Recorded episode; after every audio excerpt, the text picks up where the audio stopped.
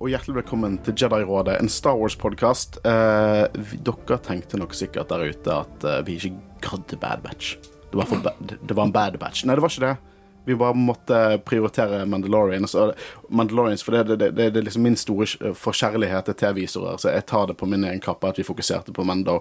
Men vi kommer tilbake igjen til The Bad Batch nå, eh, i vår episode 138, da vi snakker om The Bad Batch, episode 10, Retrieval, episode 11, Metamorphosis, og episode 12, The Outpost. Og du trodde det var ferdig der? Nei da, det er episode 13, Pabu også. Mitt navn er Håkon Øren, og jeg sitter i studio sammen med Kristian Haugen Aspen. Og så kan du si navnet ditt over. Ned- I'm back, baby. Jeg vet ikke om du har vært vekke så mange uker som fra lytterets perspektiv. Nei, men ikke bare eh, sånn to episoder? det kan godt hende at det bare er to episoder, men det har vært betraktelig lenger eh, behind the scenes, i hvert fall. Uh, I hvert fall en måned siden sist jeg satt i studio med dere to. Og eh, jeg trengte all den tiden til å fullføre masteren. Så du fullførte dine Jedi trials. Er du en master nå? Uh, en må jo få sensur først, da, men det satser jeg på går greit. Men Du, eh, du vet jo om du er master nå. Er du master nå? Ja. Han er master. Uansett, deilig å være tilbake og kunne snakke om Star Wars, selv om det er fire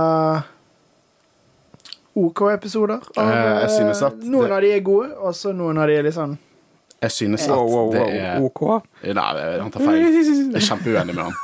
Det er to briljante episoder, Absolutt. og så er det noen jeg er litt like glad til. Ja, så gjennomsnittet av det blir OK.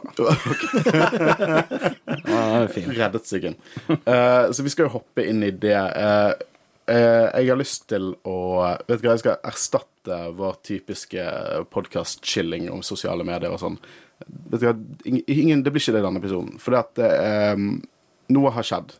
Eh, og det er det at Ray Stevenson han døde på innspilling av en film. Eh, 21. mai, mener jeg. Ufattelig trist. Vi så jo han eh, på scenen sammen med eh, Mats eh, Nei, oi, Mats Mikkelsen. Lars Lars- Mikkelsen. Lars Lars Mikkelsen, Mikkelsen. ja. Unnskyld.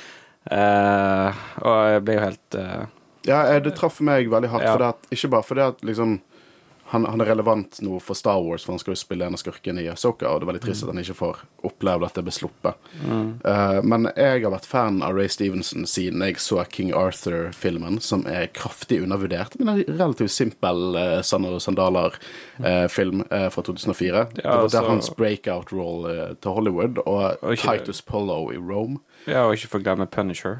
Punisher. Uh, diskuterbart en av de mer troe til tegneseriene Punisheren. Eh, jeg var stor fan av Ray Stevenson. Eh, jeg var veldig hypet over at han skulle være med i Star Wars. Jeg syns det er oppriktig trist. Eh, så jeg, jeg ville bare si noen ord at det, det er veldig trist at sånt, sånn skjer. Han var jo ikke så gammel heller. 58. Ja, Det nå. stemmer nok. Det er ve- veldig trist. Ja. Det, Så jeg, eh, jeg håper eh, Håper at, eh, at han blir hyllet i Asoka. For det at han var en briljant skuespiller. Eh, jeg så til og med King Arthur igjen, bare for å liksom fordøye min egen eh, Min egen sorg på det. Det er kjempegøy film. ligger på Disney pluss.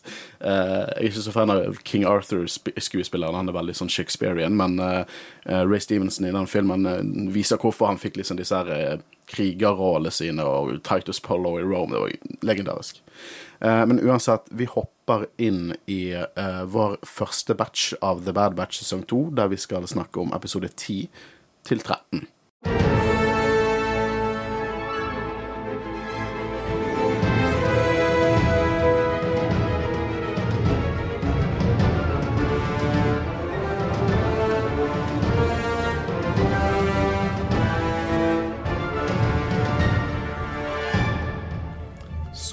episode 10, Retrieval, eh, regissert av Stuart Lee og skrevet av Moises Samora. Eh, hva synes vi om Retrieval? Det er, jo, det er jo på en måte fortsettelsen på der vi left off.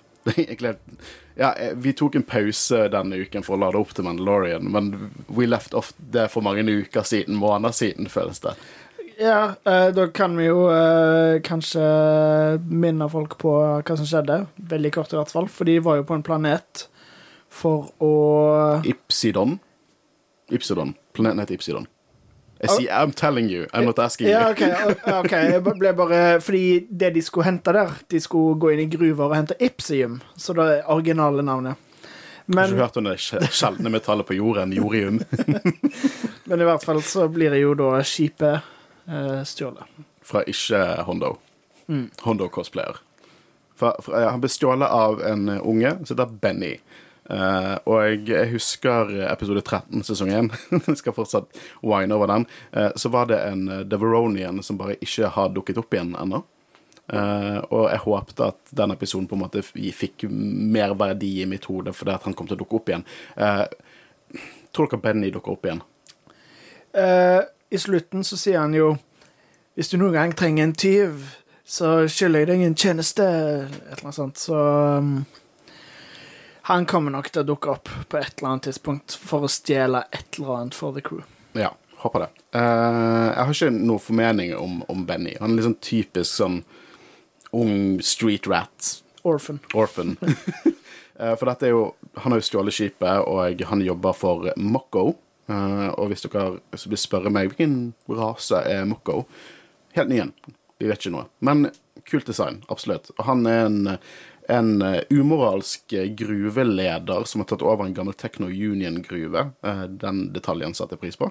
Eh, Og han har en hele sånn top earner-greie. At liksom den, han Masse barn jobber for han. Og den ungen som tjener inn mest penger, den får uh, en suppe. Og han er òg utrolig stereotypisk bad guy gruveeier. Uh, fordi han spiser mye sjøl. Gomler i seg Og mat. så lager han masse lyd. Sånn. uh, og så vil han ikke gi det til noen andre enn seg sjøl, liksom. Ja, og, og hva er det å si her? Um, no, jeg likte at Omega nå sånn finner ut hvordan de skal tracke Gonki, da, som fortsatt er på, på skipet, og hvordan Tech reagerer på det. Jeg føler det sier litt om det forholdet, eller den uh, utviklingen de hadde i forrige episode, for det var jo en Tech og Omega-episode. Eh, og jeg liker hvordan hun, hun har på en måte skjerpet seg litt. Hun er mindre tenåring og mer liksom OK, her, nå er det Bad Batch, de, de er mer profesjonelle her. Sånn når de kom seg inn i den basen oppi det tårnet. Veldig kul sekvens. Uh, men jeg har ikke så mye annet å si, egentlig. Liksom det at uh, jeg, Det er på en måte en episode som viser mye hvilke type ting The Empire tillater til å eksistere. The Empire på en måte lager en scenesetter, en galakse der folk som Mokko kan operere, og så lenge de ikke står i veien til The Empire, eh, så driter de i de, og det kan også gi profitt til The Empire. Og så er det jo på samme måte Jeg føler denne sesongen har jo handla veldig mye om på en måte utviklingen til Omega, og hvordan hun har sett hvor mye fælt som skjer rundt i galaksen, på en måte. Og dette er jo definitivt noe sånn, liksom Hun sier jo på et tidspunkt at dette skjer jo overalt. Eh, og så sier jo da Det var teksten sa det, men det finnes også folk som oss For jeg skulle ta opp det. Det er en sånn der, det er kinda en sånn 'hva vi lærte i dag'. Ja, men- Og, det, og, det, og du, du har alltid kritisert dem, men her sitter du og tar det opp Ja, sånn akkurat her så føler jeg det gir ganske mye mening. Uh, jeg syns episoden som en helhet var liksom Han var helt OK. Det var ikke den Trengte det å være en two-parter?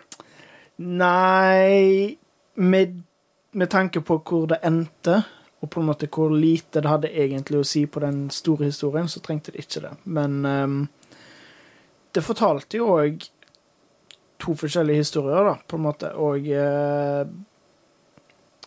det ga jo mye Fikk dere litt sånn Temple of Doom-vibes av denne episoden? Altså aka eh, Christian, den dårligste Indiana Jones-filmen. Jeg kan ikke si akkurat det.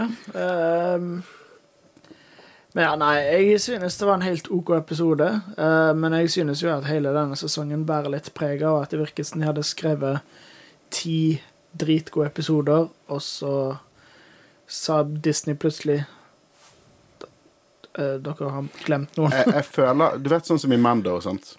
Det er forskjellige regissører, eh, og, og det syns jeg er veldig kult, men du merker veldig mye på Mando eh, at det er forskjellig, liksom forskjellig stil på hver episode, mer enn det du gjør i en tradisjonell TV-serie, som Breaking Bad. Du, du kjenner ikke så godt at det er forskjellige regissører. Eh, men jeg føler her kjenner du kjempegodt at det er forskjellige writers, det er det jeg føler. Um, vi, vi skal ikke gå innom hva vi syns om sesongen her, det gjør vi i neste episode. Men i denne episoden så er det på en måte Mokko, og han har dette ipsiumet som sier degradert, så derfor gir han ikke nok mat, og så skjuler han mat når de er ikke degradert, og så ender det opp med at han eh, går amok, og eh, når han holder på å dø, så har han mer lyst til å dø og ta med seg Benny i dødsfallet enn å bli reddet, eh, som jeg syns var litt dark. Eh, men så ender det med liksom at de får alt tilbake igjen, eh, og eh, kidsa de fortsetter gruvedriften. Kristian, fortell meg. Nei, altså, jeg syns dette egentlig var en Ikke en perfekt episode, men jeg likte den veldig godt. Jeg syns den var, var, gøy. Den var interessant og holdt på å si Nei, kanskje det ikke trengte å være en two-parter, men uh, jeg liker jo veldig godt når uh, det ikke alltid er liksom på the main mission. Jeg liker når de utforsker, jeg liker når de worldbuilder. Eh, ikke at dette her er så veldig stor worldbuilding, da, men jeg syns det var en interessant historie. Eh, og eh, Jeg syns det er interessant det du sier der. For det jeg Hva heter han? Patrick something, en YouTuber som lager sånn film-essays. men i hvert fall han hadde en video om, om vibe movies. Uh, og det han definert som vibe movies. Det er sånn uh, uh, James Bond, De gamle James Bond, ikke Daniel Craig. Det var vibe movies. Det var ikke viktig med motivasjonen til James Bond. Det var ikke viktig liksom, hva disse McGuffinsene gjør. Og det samme sammen Tenet. Christopher Nolan sin, sin film. Tenet. At det er ikke meningen at du skal liksom, tenke på uh, backstoryen til protagonisten eller motivasjonen hans, annet at han har lyst til å gjøre jobben sin. Eh, og han gikk også inn på det at han, han, var frustrert over at vi lever i en verden der folk driver og klager over såkalte fillers, quote unquote, fra Mandalorian, istedenfor bare vibe med episoden og liksom og, og tenke at plott han, han, argumenterte at plott, det var historie. Plott er på en måte fakta. Plott kan du lære ut av en Wikipedia-artikkel, men liksom medie, film og serier er så mye mer enn plott og kontinuerlig historie. Det er på en måte animasjon i dette tilfellet. Det er stemning, det er musikk, det er action. Og eh, han fikk meg til å tenke litt sånn Vi fokuserer litt mye, eh, og, og, jeg kan absolutt ta meg sjøl i den, at når det er episoder som ikke fører oppdraget, liksom, eller historien videre direkte, at det kan på en måte kritisere At det på en måte ikke, ikke gir verdi, men det er jo feil. Jeg syns det, det, er godt å ha den tankegangen om at mm. en filler jeg liker ikke å kalle det filler, men en filler kan fungere helt fint og bare vibe med det.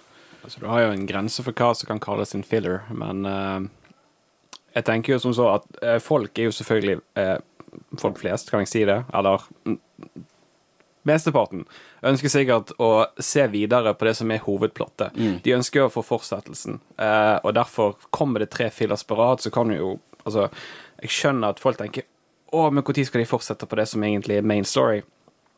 Men for min del så syns jeg egentlig det er veldig uh, Veldig gøy med fillers, for da får du nye ting. Uh, du får utforsket universet, uh, og så lenge de på en måte har en plan og bruker god tid på å fullføre den hovedhistorien som de skal følge, så har ikke jeg noe imot at det er fillers inni der. Mm.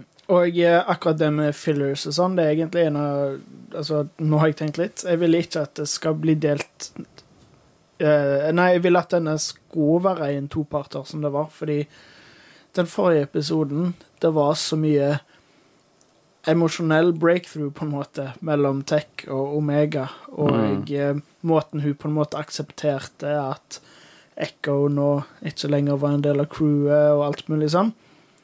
Uh, så jeg føler definitivt at den forrige episoden, den før denne, ikke var en filler, og da gjorde det ikke så mye at det ikke var så spennende som det kunne vært. Syns kanskje de burde sluppet begge på samme dag, eh, med tanke på at det var liksom en relativt stor eh, cliffhanger med at skipet var vekke, og eh, spoiler alert, Sid er en drittsekk, liksom. Uh, Gjør ingenting for, for, for akkurat det er jo veldig Når vi tenker tilbake på Jeg husker ikke hvilken episode det var der uh, Jo, det var Faster-episoden, faktisk. Favorittepisoden til Håkon. Eh, jeg husker ikke helt navnet på karakteren, da, så det beklager. Men i hvert fall han som advarte de mot at Sid kom en dag til å forråde de. Mm. Og absolutt, det ser du jo her. Hun gjorde det. Ja, det har jo blitt hinta gjennom flere episoder i sesongen òg, så det er jo nå det på en måte kulminerer litt med det, da. Ja. Ja, absolutt. Um, jeg, jeg, jeg, jeg har lyst til um, på en måte Jeg Å, gud, jeg hoppet deg nå. Nei, altså, vi ser jo en uh, samtale mellom Vi så også en samtale med Sid i slutten av forrige episode. Sånn. Men det er noe nå ja. de på en måte har innsett at Ja. Sid dukka ikke opp for oss, vi måtte hjelpe oss sjøl. Så da i neste episode, det er jo Mm. da de bestemmer seg for å ta det aller siste kuppet for henne, da. Ja. Men uh, ja, så denne episoden uh, er, er bare bare Jeg vet ikke helt om jeg vibet 100 med han. Jeg syns den var helt grei. Liksom, det var en fin konklusjon på forrige, eh, forrige ukes ark. Uh, og så vet ikke jeg, jeg jeg tenker Jeg skal i hvert fall gå inn i fremtiden med Star Wars og begynne å tenke litt mer på hva er dette mediet vi, vi opplever det i. Som dette er en serie, det er animasjon, det er musikk, det er alt mulig her. Det er ikke så viktig at liksom, den røde tråden er hele tiden er opprettholdt. Av og til må man bare vibe med noe. Så vet du hva, skal vi erstatte eh, filler-episoder, ordet filler-episode med vibe-episoder? Altså, jeg vibet med han. Altså, Ja, jeg, med jeg, jeg så han med åpne øyne. Det var ikke sånn at jeg ble um, tatt av skjermen. Nei. Tatt av skjermen. Tatt av skjermen. Tatt av skjermen. Ja, jeg, jeg vet ikke hvor det kom fra. Ja, men Sorry. nå er det et Jedi-råd-begrep. Ta det på Eh, T-skjorten. men vi hopper over til neste episode. Eh, episode 11, Metamorphosis.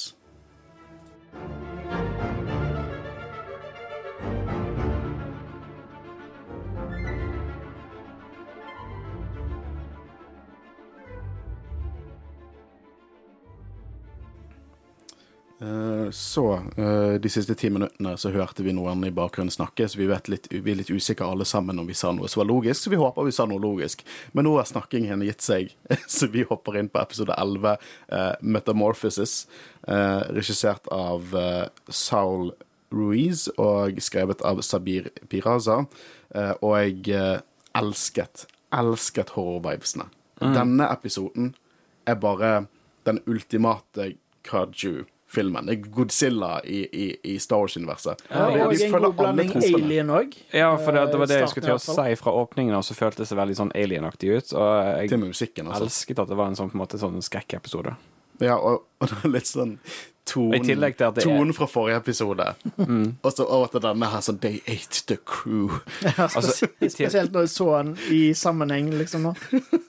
I tillegg at det er liksom Det, det er jump scares det går i, på en måte. Ja. Det, er- det, det er gøy, Og- og eh, men det- skremmende. Og for sånn en clone commando som er vettskremt. Og det er kjempegodt virkemiddel, for det, vi vet jo at de er harde motherfudgers.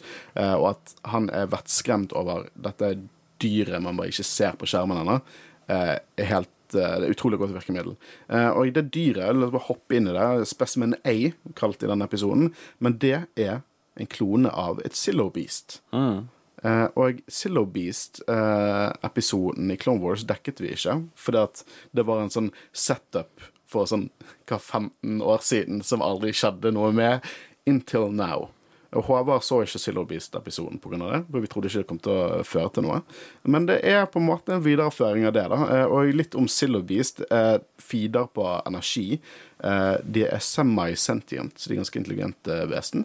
Eh, første gang vi så et Zillow Beast, var i Clone Wars, og de var på planeten Malastare.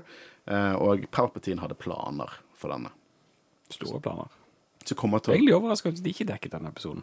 Vi, vi følte hun ikke leder. Ja, det, oss, det er sant. Jo, for nå gjør han det.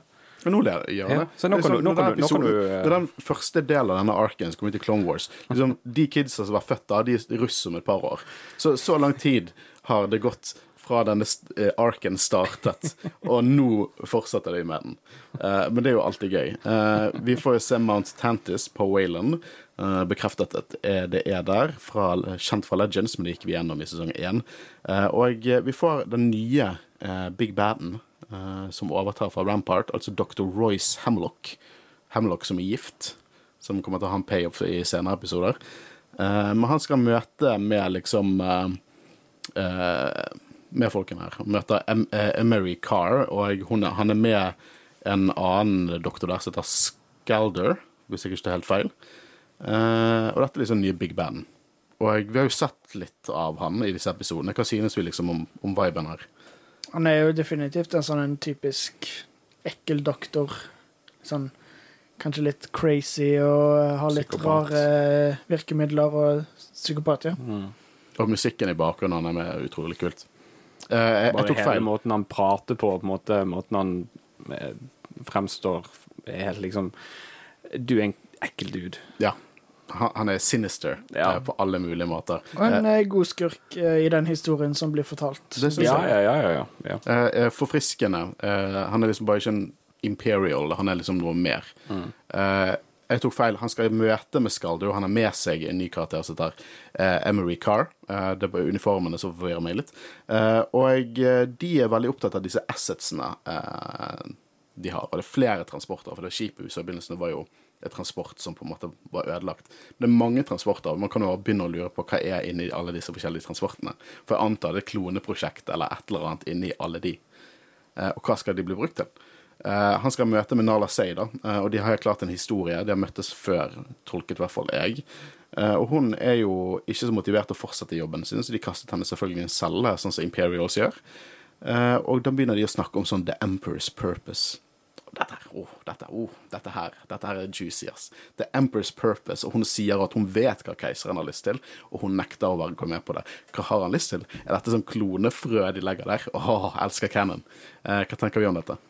Det er nok definitivt klonefrøya. At eh, om det er så spesifikt at han skal klone seg sjøl, og at det på en måte er det som er hovedmålet, som vi vet var hovedmålet basert på Race of Skywalker, eh, eller om det bare er generelt kloning. Det vi får vite i denne episoden, da, at eh, grunnen til at de ødela Camino, var ikke for å få slutt på kloning, det var for å kontrollere det. Mhm. Så øh, ja, nei, det er nok definitivt for å på en måte hinte til Race of Skywalker, ja. Men om alle i universet på dette tidspunktet vet om det, da, det er jo en annen ting. Det er jo et mål for Palpatine å, å leve evig, på en måte. Vil, det er liksom den, ev, den ultimate makten er å på en måte leve evig. Han vil bruke sin makt på å gjøre det. Han er besatt av det, sant? for det er jo en dark side-ting som du ikke kan gjøre på tradisjonelle måter. Du kan bli på en måte et besette eh, objekter, sånn som Darth Moomin eh, eller The Grand Inquisitor, som på en måte sin sjel var på ett og samme sted hele tiden, men i sånn pinelse fra sine siste sekunder på, på, på de, over Mustafar, tror jeg det var han døde. Uh, og, eh, så det, det er jo interessant hva dette går videre på. Uh, Hemlock på en måte mister jo fasaden her når hun nekter og truer henne at han kan gjøre langt verre enn å holde henne i fangenskap. Så han er en creepy, scary dude. Uh, jeg gleder meg til å se mer av han. Um, nå eh, kommer det fram at de mistet kommunikasjonen med denne transporten, da, transportnummer 904. Eh, og eh, de finner ut at de skal ta tilbake denne asseten, da, og det er her noe som overrasket meg. For det at eh, han blir rådet til å kontakte Lama Su, som eh, statsministeren over Camino. Og det overrasket meg at han overlevde. Jeg bare antok at han var død. Eh, så det var kult at han dukket opp igjen. Eh, og det er her vi har denne scenen som du snakket om, Christian. Eh, der Sid får liksom kjeft av batchen, eh, og at hun har et tips eh, om et uh, downed ship. Eh, denne prutescenen er helt fantastisk, for du ser Wrecker sånn hører et tilbud fra, fra Sid, og så tenker han da, å, dette er et jævlig bra tilbud. Så ser han på, eh, på Hunter som ikke er fornøyd, og så blir han sint igjen, og så går det om igjen og om igjen på den måten. Hunter er jo mer skeptisk på i hele tatt gjøre avtaler med Sid mer. Ja. Men jeg tror at det ligger jo litt i at um, At de er litt bekymret òg i forhold til all informasjon som Sid vet om det. At uh, hun kan gjøre ting med å uh, selge de ut, for eksempel. Uh, og på den måten så er det jo òg da, på grunn av det, litt skeptisk på å takke nei til jobber for. Liksom, jeg håpte på at vi endelig skulle få en Trandoshan som var snill. Hvorfor Ja. skal alle de være slemme? Ja. Men jeg, jeg undervurderte jo serien totalt. og trodde at liksom OK, det var én episode der vi var litt i Faster var de litt usikre, og så neste episode så kom til hun til å lært leksen sin, og alt er good igjen. Men uh, Men de fikk jo en advarsel i starten. eh, som er uh, veldig Veldig på en måte shady, da. Og interessant karakter. Jeg syns det, dette, liksom, dette er kult. Dette her viser at det er en moden serie. Og jeg syns Bad Batch er best når de på en måte har selvtillit til å bare gjøre det litt modent. Jeg sier ikke at det skal være R-rated eller noe sånt, uh, men det er bare Clone Wars uh, liksom crewet, de som vokste opp med Clone Wars, var tolv år sikkert når Clone Wars kom ut, og de taklet det helt fint. Eh, så tone er viktig, føler jeg. I hvert fall en stabil tone. Um, nå drar jo de for å finne liksom The Zillow Beast, og The Zillow Beast har landet på en planet. Kan en av dere gutter gjette navnet på den planeten? Zillow. Silla. Jeg bomma med en bokstav. Jeg husket det ikke helt, men det var noe Liksom- i den retningen. Er det der Sillo Beast opprinnelig kom Nei. fra? Nei. Så var ikke det at det egentlig var på vei vekk derifra, så krasja de tilbake? eller De noe sånt? sier jo aldri Zillow Beast Så i episoden. enten så- Kan det hende at writerne ikke var klar over at den heter Zillow Beast, som helt klart er referanse på Godzilla? Enten det, eller så bare Holdt jeg på å si, gikk de bare for det, for de hadde ikke mer kreativitet. Ja, du, du bommer på to bokstaver, der, for det er en S. Zilla, og ikke Zilla. Ja, ok. Ja, så du tok helt feil, Christian. Uh, jeg syns også litt sånn skeptisk det at dette, dette skipet gikk nettopp nede ved siden av landsbyen, og det første de tenker å gjøre, er at her kan vi tjene penger. Ikke redde eventuelle folk som på en måte har gått ned med dette skipet, som fortsatt er i flammer, vel å merke.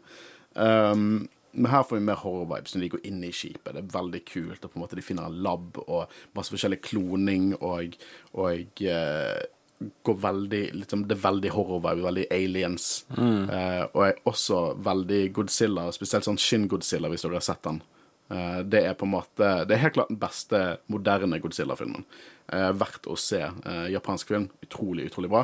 Men i Shin-Godzilla, eller Shin Gojira, som det heter i Japan, så går liksom Godzilla gjennom ulike sånne evolusjoner. Hver gang han har er første evolusjon, de prøver å slå han, de klarer ikke å komme han tilbake igjen sterkere. Og det er litt det Zillow Beast gjør her, da. For den første eh, nivået han er på, minner jo veldig om en xenomorph fra Aliens. Så det er jo helt klart aliens-referanser, spesielt når du på en måte lyser på den og skyter, og så sniker han seg opp i på en måte ventilene og sånn. Veldig eh, aliens. Og jeg elsker looket. Jeg husker at jeg ikke likte vibet helt med looket til Silobis Beast da jeg var yngre, men nå er det bare ikonisk Star Wars.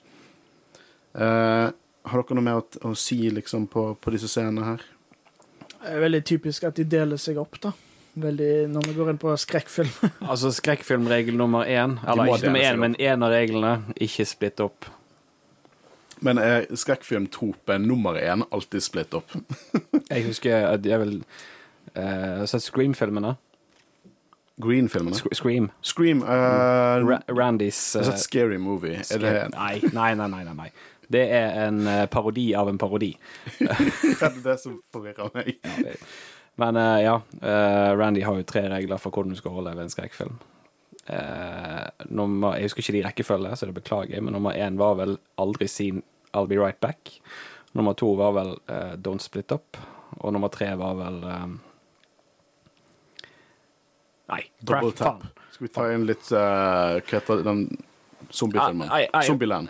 Poenget er i hvert fall, som Håvard sa i sted, at uh, det aldri lurt å splitte opp. Ja, men uh, det, de er nå fire stykker der, så de er to, to og to. Uh, jeg likte veldig godt når liksom For det at Tech har jo vært framme og drevet og Nei, det var tre og én. Tech har vært framme og drevet og fått strømmen til å komme tilbake igjen i, i skipet. Og jeg, når han sier på liksom over communication Og jeg tror dette er et research vessel, og så roper Wrecker We know! Eh, og da ser vi at Silvis det utvikler seg mer og mer, og det at han får uh, energi og armor plating. Uh, eh, og som i alle Kaiju-filmer som er, det, er no, det er veldig viktig. Etter de har prøvd å drepe det første gangen, så må det bevege seg mot sivilisasjon. Og de kan ha forårsaket mer skade enn det de, det de prøvde på. Ja, kan jo også nevne at grunnen til at det går gjennom en evolusjon, er at det på en måte feeder på strøm og energi og sånn. Mm. Vokser seg sterkere av det. Og jeg likte veldig godt Omega freaka litt ut hvor mørk denne serien kan være hvis den har lyst til å være det. Eh, med tanke på at hun oppdager at writerne bestemte seg for at Zillow Beast har eh, spist crewet. Eh, så det, det satte pris på. Selv om det var litt sånn tonal eh, eh, whiplash fra Faster, Faster og Metamorphosis. De er i samme sesong i samme serie. Ja ja, jeg skal gi meg. Um, men jeg elsker når de driver og leter. For jeg er fan av ka- kaiju-filmer. Sånn, de nye Godzilla og Kong-filmene. De er kjempegoofy. Og, det, og jeg kan ikke brydd meg mer om menneskene i, i de filmene. Men det er bare gøy, og jeg vet Håvard, du setter pris på det. Kong versus Godzilla. Awesome film. Det er dritfett. Eh, og, og det er kjempegøy å se uh, her alle tropene komme inn i Star Wars, sånn som de er oppe i uh, The Marauder, og så lyser de ned i skogen, og så ser de på en måte monstre prøve å skyte det. det. Det er alle tropene, og det er på alle mulige måter er liksom en Godzilla med litt en alien-vibes-film. Eh, og vi får jo litt mer sånn skjønne hva som skjer, hvorfor dette monsteret eksisterer her, da. Og jeg, for det er Tech og meg er researcher i Sheep imens, og jeg, de snakker om andre Kaminoan-eksperimenter som var off-world. Veldig kult. Uh, og hvordan de bruker biologisk materiale til rustningen, akkurat som i Clone Wars. Uh, det, det, det var det som var Palpatine. Han liksom tenkte han kunne bruke kroppen til rustning eller et eller annet sånt, eller weaponize det på noen måte. Um, vi finner jo fort eh, ut at, at det blir større, og at de direkte refererer til Clone Wars-episoden. liksom, de, de anerkjenner nå at dette er monsteret, samme monster som angrep Corisont under klonekrigene. By the way, den det er en kongeepisode, så jeg anbefaler deg å se den. Ja, nå har jeg lyst til å se den, altså. Jeg får se den på ny, da. Uh, og nå, jeg tror det er tre Er ikke en ark? Er ikke tre episoder med Seal of Det Beast? er nok, jeg tror det er en ark, ja. Så Ja, for det begynner husker. på Malastair. Jeg skal ikke spoile den for Håvard nå. Det begynner på Malastair, det er alt jeg kommer til å si. Men det er i hvert fall den, den si- Ja, nei, sorry. Fortsett. Så nå som det faktisk leder til noe, så er det bra. Nei, altså, I utgangspunktet så syns jeg at uh, den episoden uh, Ref Palpatine, som du nevnte i sted, er egentlig ganske god. Så hvis ikke du vil se hele arken, så går det an å bare se den, og så har du den som en prequel til denne, på en måte. Jeg ser hele arken. Ja. Det er verdt det. Ja. Og nå ser det ut som et Silver Beast. For jeg husker den første av den episoden. For spoiler alert, jeg så den da den var ny, ikke nå. Uh, så jeg husker at den dukket opp og sånn Er det Silo Beast? Og så, for Den ligner litt på Silo Beast, og så visste vi at det skulle være med i Silver Beast. Og så nå ser ut som et Zillow Beast. Hvor mange ganger kan jeg si Zillow Beast? Eh, Prøv å se det ti ganger på rad. Nei da. Zillow Beast, Zillow Beast, Zillow Beast. Ja, Silver ok. Beast. Og da kommer The Empire opp. Og jeg, eh, jeg vet ikke med dere gutter, men eh, jeg eh, får en liten sånn nerd hard-on hver gang jeg ser pre-originaltrilogi liksom, Empire dukker opp i sine Venetrue Class Star Destroyers og, og eh, LAAT som er malt grå. Eh, og nå kommer de, og de har full kontroll.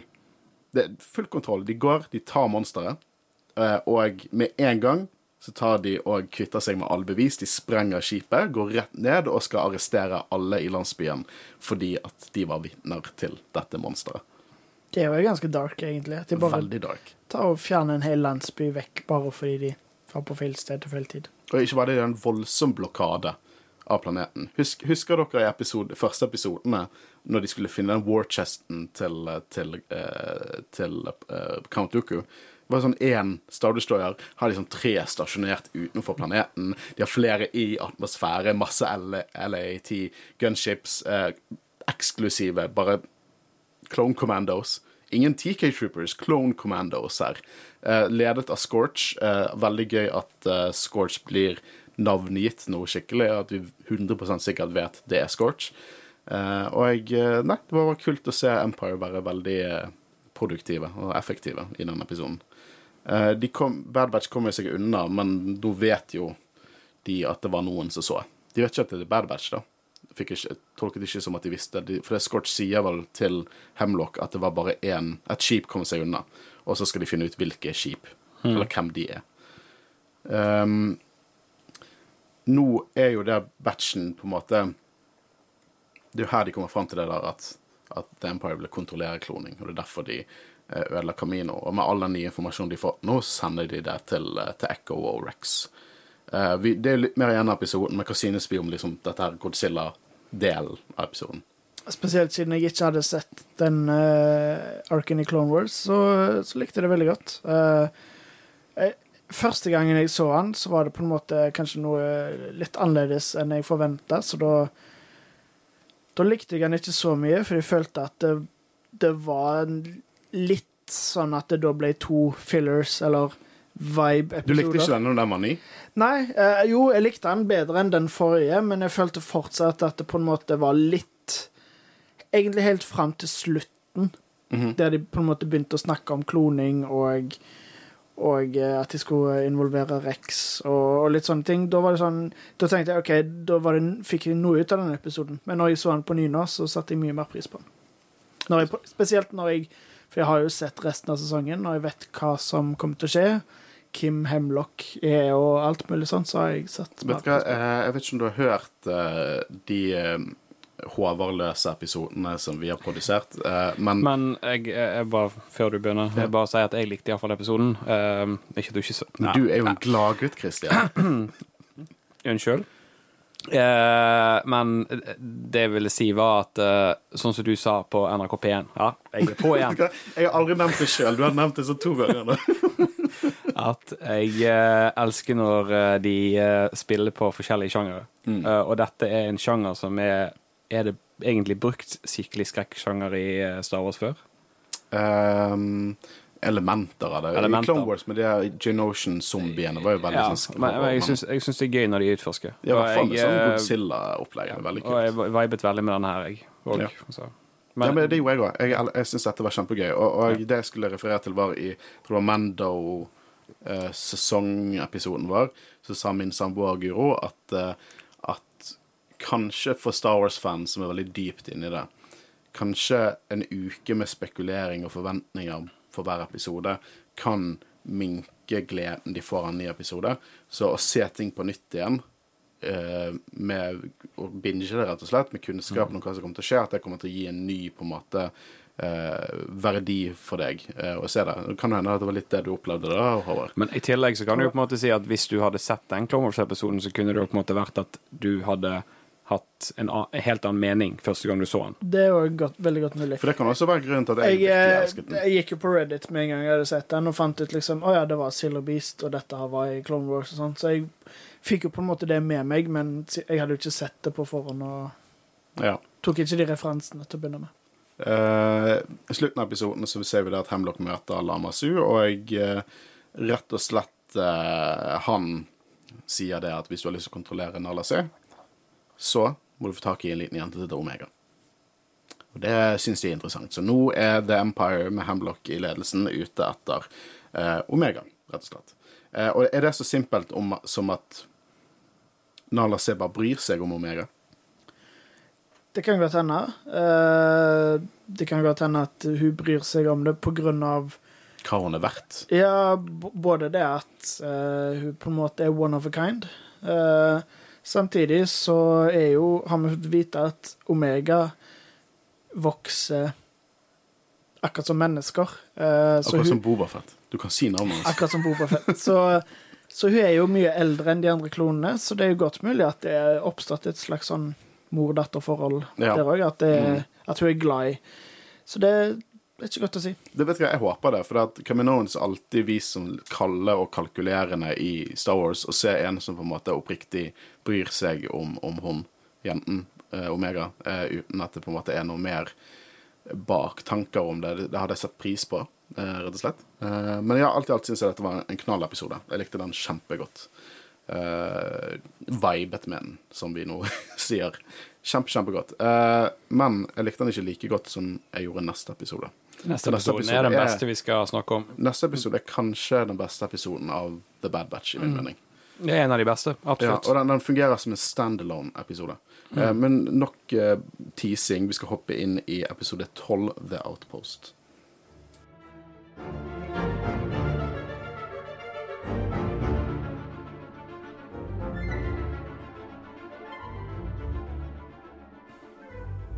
Så episode 12, The Outpost, er regissert av Nathaniel eh, Villeneuva og Brad Rau, og skrevet av Jennifer Corbett.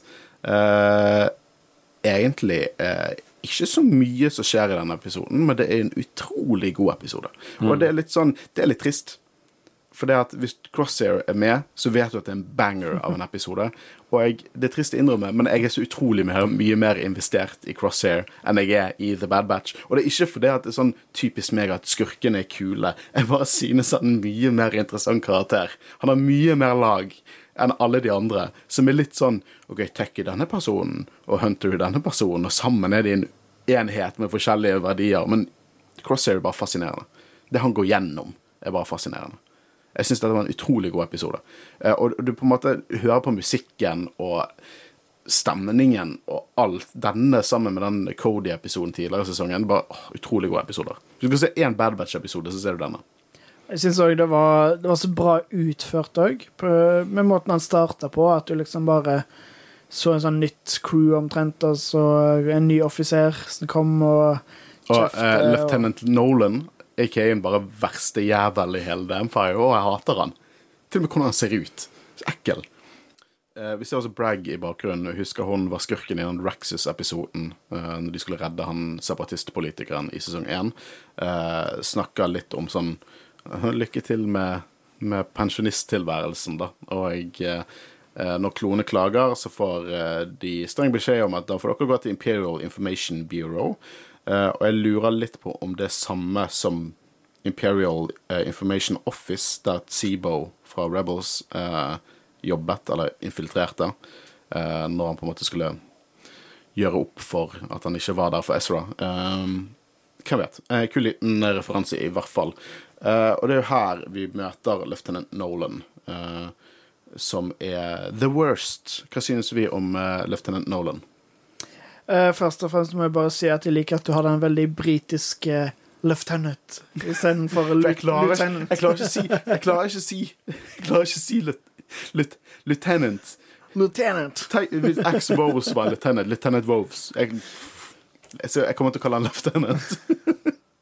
Og det er sikkert forskjellig grad av lieutenant og lieutenant. Ja, uansett. Christian, hva syns du om Lieutenant Nolan? Ikke det veldig kort fortalt han er en douchebag? Ja, jeg har skrevet 'Is the worst'. Ja, han er Som en liten referanse til Faster. Jeg, altså, omtrent mange ganger i episoden hadde jeg lyst til å bare si skyt han. Ja, du får, eh, du får din happy ending på slutten av episoden. Ja. men de har At. Crosshair overlevde så lenge med han, det er helt Ja. ja. Eh, men de skal beskytte cargo eh, fra lokale raiders på planeten Barton 4. Eh, Nolan kaller kloner for used equipment, som jeg syns var bare sånn mm. Og musikken er så utrolig banger. Det, det så, Kevin Kiner, når han begynte i Clone Wars, så følte jeg han var sånn Han remaket Noel Nei, Noel. han, remaket liksom John Williams-musikk. Han, måte- han lagde passende musikk, men det var på en måte medleys av John Williams.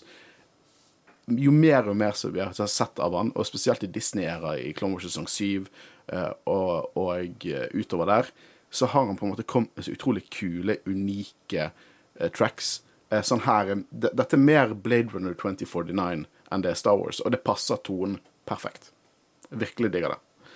Um, de kommer jo til uh, denne Garrison på denne isplaneten, da. Eh, og da lurer jeg litt på, Christian Hvorfor heter denne klonekommanderen Mayday? Jeg trodde helt ærlig du skulle spørre meg hva- planeten het. Nei da, hva- hvorfor heter han Mayday? Eh, hvorfor han heter Mayday? På den Nei, enkle.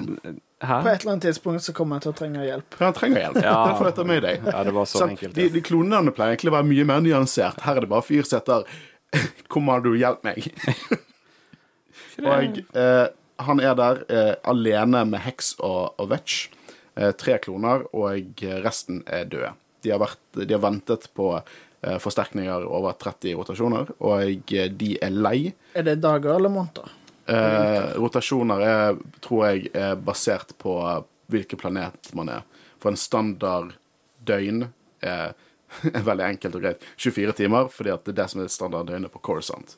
Eh, her eh, kan rotasjoner bety hvor lang tid denne, denne planeten bruker eh, på det. Men eh, jeg synes at disse klonene var jævlig kule. Jeg elsket hvor slitne og hvor apatisk de var. De bare don't give a fuck.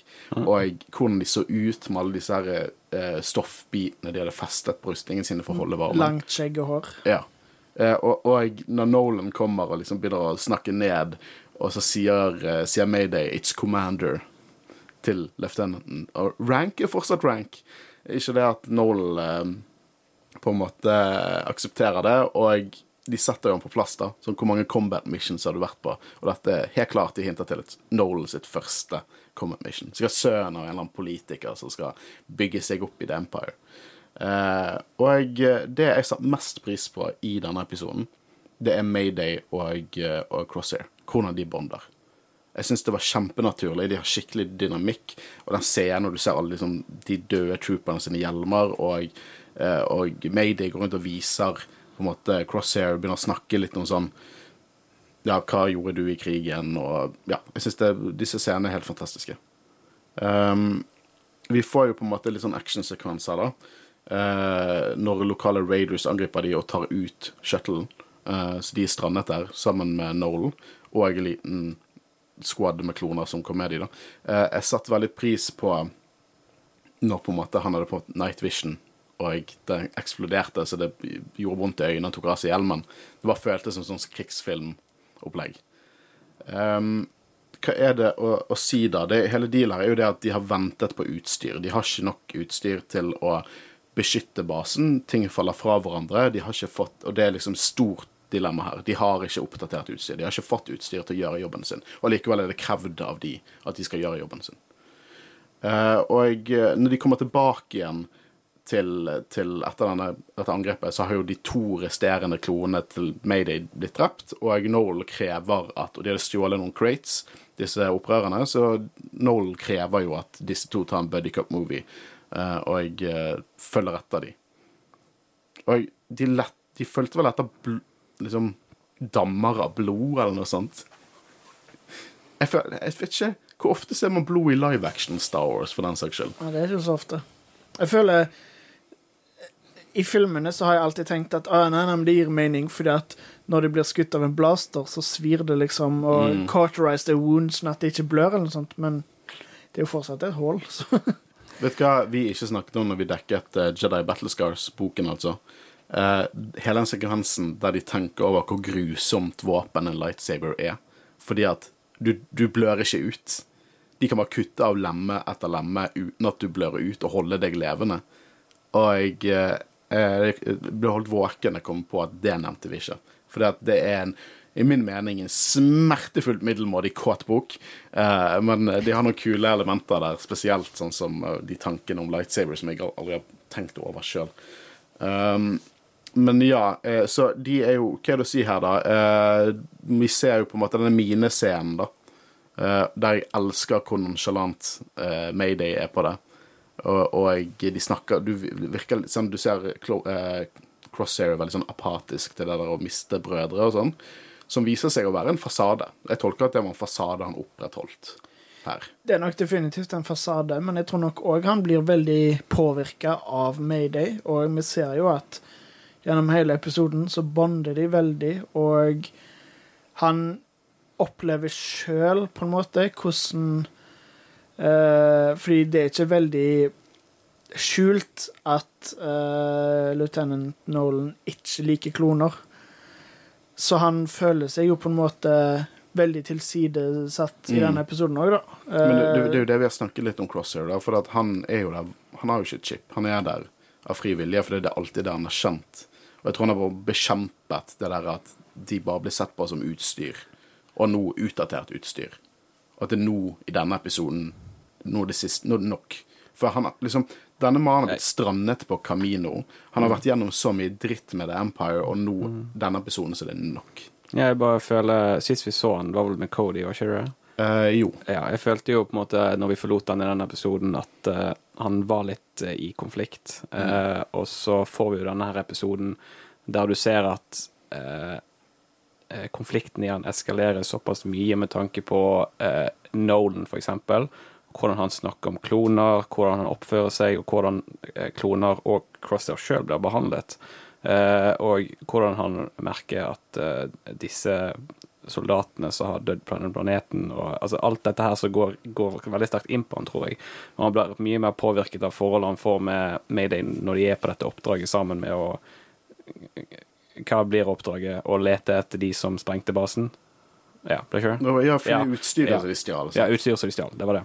Og de vet jo ikke at er utstyr ennå. For det, det som er twisten, er at det de finner nå, er våpen og rustninger som de kunne brukt for å for lenge siden. Men de er ikke verdt dette. Empire bryr, vil ikke gi de nye lekene sine Nei. til det som Nolan kaller brukt utstyr. De gir liksom Sitat fra episoden, vel, hvis ikke det er feil. Uh, scrappy equipment til kloner og good equipment til stormtroopers. Mm. Uh, men i hvert fall hele denne her eh, historien som vi følger mellom Crosshair og Mayday, eh, når eh, du ser Mayday redde Crosshair, blant annet eh, Crosshair redde Mayday, ikke det sånn? Jo. jo det går visst sånn. I hvert fall så du ser det går dypt inn på Crosshair, og det er jo Hele denne episoden er ganske sterk. Den er det. Eh, veldig sterk, og Og spesielt etter Crosshair har sånn sagt at han liksom, Man gidder ikke å bære sine døde brødre, det er bare dead weight. Og så ser du at han bærer Mayday som er døende etter den actionsekvensen, etter de finner ut dette utstyret. Da han bærer han, og prøver å redde han, han bryr seg om han. Dette er på en måte Denne episoden var vippepunktet til Crosshair tilbake. Og eh, en ting som jeg bare må legge til, er at jeg syns Jeg merker det, føler jeg, spesielt i denne episoden, hvor bra animasjonen er. Eh, Det har vi snakket om mye om før, men jeg følte det virkelig i denne episoden. Var du kald? Nei, jeg følte meg ikke sånn at jeg frøys, men jeg, på en måte, jeg følte det var ekstremt bra her. Mm, Det var nydelig gjort. Det var det absolutt. Og, og jeg, jeg, jeg synes at disse scenene mellom de er bare Det er så awesome Uh, Star Wars, rett og slett. Uh, og, og jeg eh, Spesielt liksom det når vi snakker om hva, hva har vært motivasjonen til Crosshair, hvorfor han alltid går tilbake til The Empire. Nå skjønner jo han at han ikke har noe å gå tilbake igjen til. Liksom, han har opprettholdt den fasaden om at liksom, nei, det er en råtten offiser jeg har nå, men jeg er til bruk for The Empire. Empire trenger meg fordi jeg er en soldat, en god soldat. Og nå merker han at de skillsene han har, blir ikke verdsatt av The Empire pga. hvem han er. Uh, og da tror jeg bare at han tenker han har ikke mer å tape. Men jeg, jeg har også et par eh, tanker om, om scener som leder opp til dette. her. Eh, for at de snakker om liksom hva, de gjorde under klonekrigene, og at nå er de på en måte kastet til side og har sånn guard duty. Og det er jo en hel can of worms å ta opp liksom det moralske aspektet bak Jedi som bruker kloner. Det er bare ikke moralsk, men eh, er liksom, de behandlet jo de med sinnssykt mye mer respekt. Eh, nå er jo liksom utrolig mye mer eh, eh, respekt. Og, og de eneste som på en måte hadde kost seg nå, hadde vært som Pong Krell, hvis han hadde vært menneske, eller hvis han hadde blitt eh, Inquisitor, eller så var liksom alle Jediene super pro-kloner.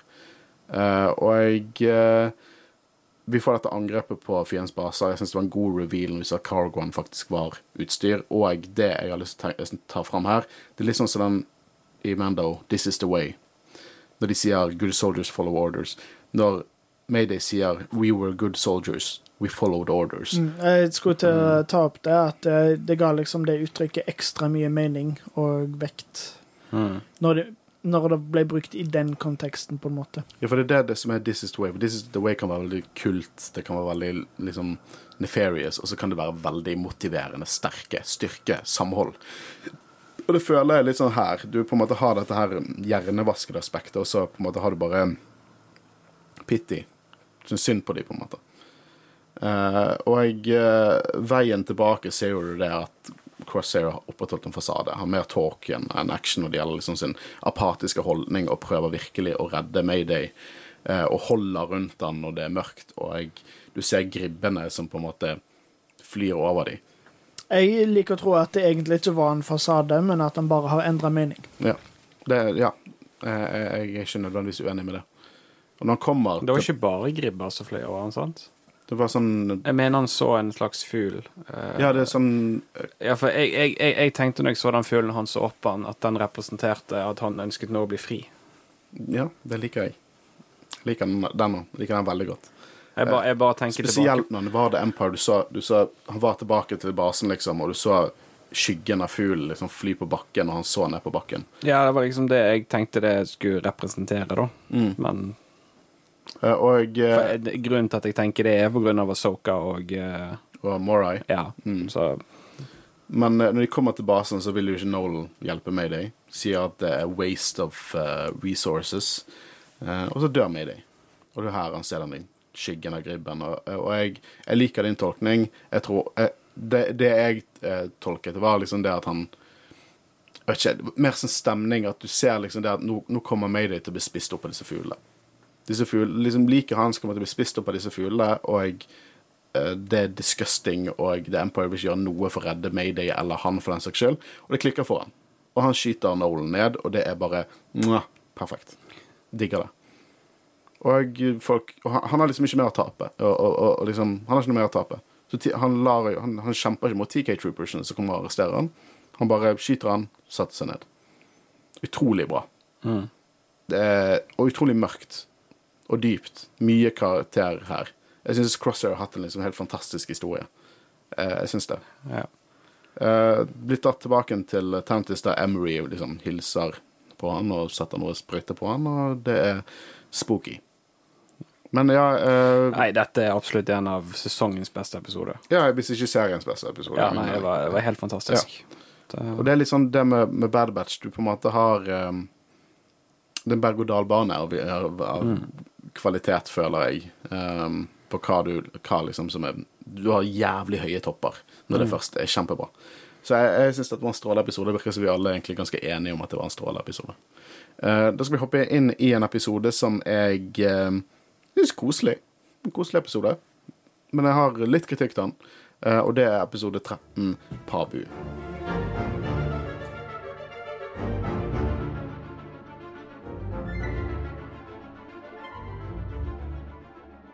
Episode 13, Pabu, regissert av Stuart Lee og skrevet av Amanda Rose Munoz. Uh, og uh, dette er en koseepisode. Eh, Dette synes jeg er litt sånn quick and dirty. Her er, her er, her er de fremtidige motivasjonene til, til gruppen. Den er, jeg liker det veldig godt i introen. Veldig Temple of Doom. Til og med den klubben de er på, heter Club Lao Che som er på en måte han de besøker i Club Obi-Wan i Temple of Doom. Så det er en, det er en vri på det. Alternativt univers på det.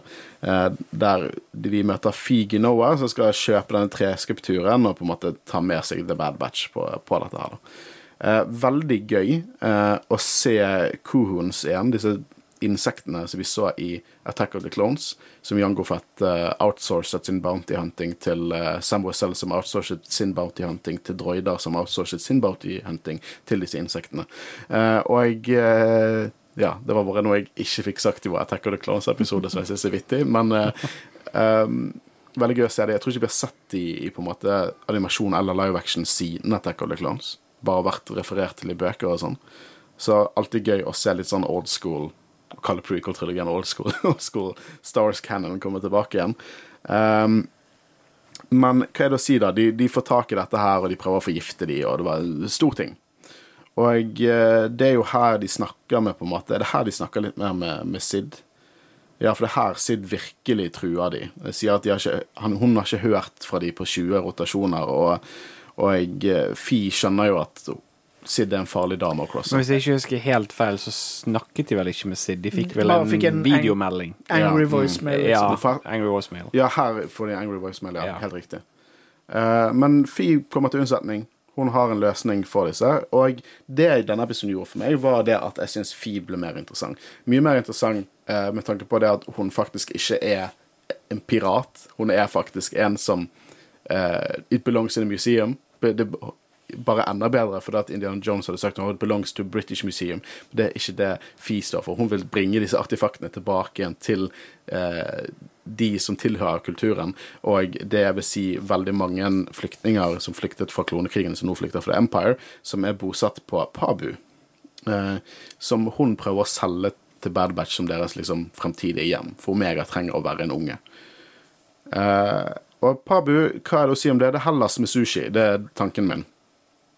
Ser veldig cozy ut. Jeg skulle gjerne dratt på ferie der. Helst ikke i tsunamisesong, da. Ja, uh, det er det. uh, litt der er jo det at vi får møte Shep Hazard, Shep Hazard og Liana, som er ordføreren og, hans, og hans datter. Og hun er på en måte litt på Omega sin alder, så de viber. Og Wrecker og Shep viber, de er sånn samme størrelse, så det er jo veldig passende. Og vi ser Moonuse, som er fargede lemurer. Liksom, dette er bare en koseepisode. Jeg har ikke noe dypt å si der. De er der, de koser seg, og så kommer eh, en tsunami. og jeg har spørsmål. Eh, Nei, eh, vi kan jo ta av. Det var jo eh, Omega har eh, eh, flygetrening. Flygetrening. nei, det er senere episoder. Oh, Ja, men de var fortsatt på Pabu. Ja, de var der fortsatt, men jeg tenkte på feil episode. Nå- ja, det kom en de en båt. Det var en båt! båt var det, ja. Båt. Uh, så ja, for hun og Liana er ute i vannet når uh, kalte de en sea surge? Uh, og det er litt sånn Det er litt gøy å se Hunter bruke skillsene sine, Uh, og ikke bare være sliten og ubesluttsom, sånn som han generelt er. For han merker jo dette cirka når de her moonusene merker det. Og så er det litt sånn, Dette er normalting på Pabu. De sa at det har ikke skjedd på tre decades. Men det er litt sånn OK, så det skjer akkurat når, når de lander. Og coincidences er en del av, av storytelling, men når de skal liksom ha en episode der de skal selge inn dette stedet for The Bad Batch, at de skal bosette seg her, så etter en diger naturkatastrofe Andre naturkatastrofe i disse fire episodene vi dekker, for det var en, det var en snøskred i forrige, eh, så, så finner de ut at ja, her her skal, her skal vi bo. Eh, For det, folkene er jo så snille. Eh, Det er litt sånn Det føles litt som at denne episoden skulle være en koseepisode, og det, det er fine, men de burde bare holdt det som en koseepisode, og så burde de vise, finne en annen måte å få fram det at disse folkene sam, driver med samhold, at de er en stor familie som bor sammen, istedenfor at det skal skje liksom en katastrofe. Ikke bare en katastrofe, den største tsunamien du noen gang har sett, liksom skal komme og angripe øyen. Og så skal vi kjøpe at de er solgt på at ja, her, her skal vi ta med Omega. Det, det Jeg kjøpte ikke den, altså. i det hele tatt. Og vet du hva, jeg kjøper mye i Star Wars. Jeg kjøper The Force, kjøper uh, Darth Maul kommer tilbake igjen som halvmann. Jeg kjøper ikke at de stigene er en effektiv måte å transportere folk opp nivåene når det er en tsunami. Nei. Det hadde tatt, det hadde tatt flere timer, kanskje døgn, å få folk opp de stigene. For det er bare en helt enkel stige, liksom. Det er plass til én person om gangen til å gå opp der. Se hvor lang tid folk bruker på å klatre stiger. Sånne hengestiger. Nei, kjøper det ikke. Akkurat som i Ringenes herre. Jeg kjøper alt der, bortsett fra når Legolas tar sånn sick flip opp på hesten i, i, i Two Towers. Det kjøper jeg ikke. Så stigesystemet er jeg veldig uenig med. Um, men det ender jo med at liksom Force hjelper med å redde folk, og, og på en måte bonder med lederen, og, og Wrecker liker maten, så de finner ut at uh, ja, her bosetter vi oss. Ja. Det var en episode som jeg uh, likte første halvdel skikkelig godt. Uh, fordi jeg bare da, Spesielt etter den forrige episoden så trengte vi noe koselig. Eh, og jeg er litt enig i at det, det var liksom Det at det plutselig kom en tsunami akkurat samme dag de kom, og at de fortsatt ville bo der, det var Når jeg så han på ny nå, så spolte jeg fort gjennom den siste halvdelen episoden, fordi det var liksom Det var ikke så spennende. Og jeg, det var ikke så mye dialog. Eh, Jeg husker akkurat hva som skjedde, og hva de fikk ut av det. For det, jeg, jeg, så, jeg skjønner det veldig godt at de, de, vil, de trenger å ha en actionsekvens i episoden, liksom.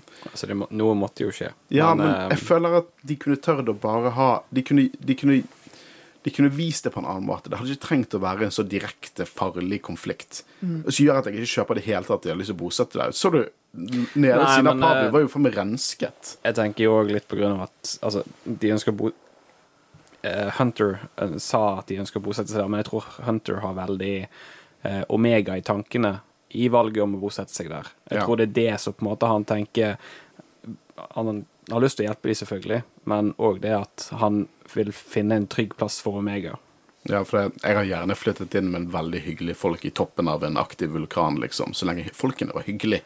Og de kunne tatt vare på barna Det virket som, eh, For Hunter så tror jeg det virket som et veldig trygt og stabilt sted å oppholde seg, spesielt i de tidene de nå er i. Ja. Og det hadde ikke skjedd på flere decades, så nå har det i hvert fall sikkert 30-40 år med ro ja, og da er jo alle klonene døde for lenge siden, så det er neste generasjon sitt problem. Hva ha de? De har 30 år igjen, kanskje?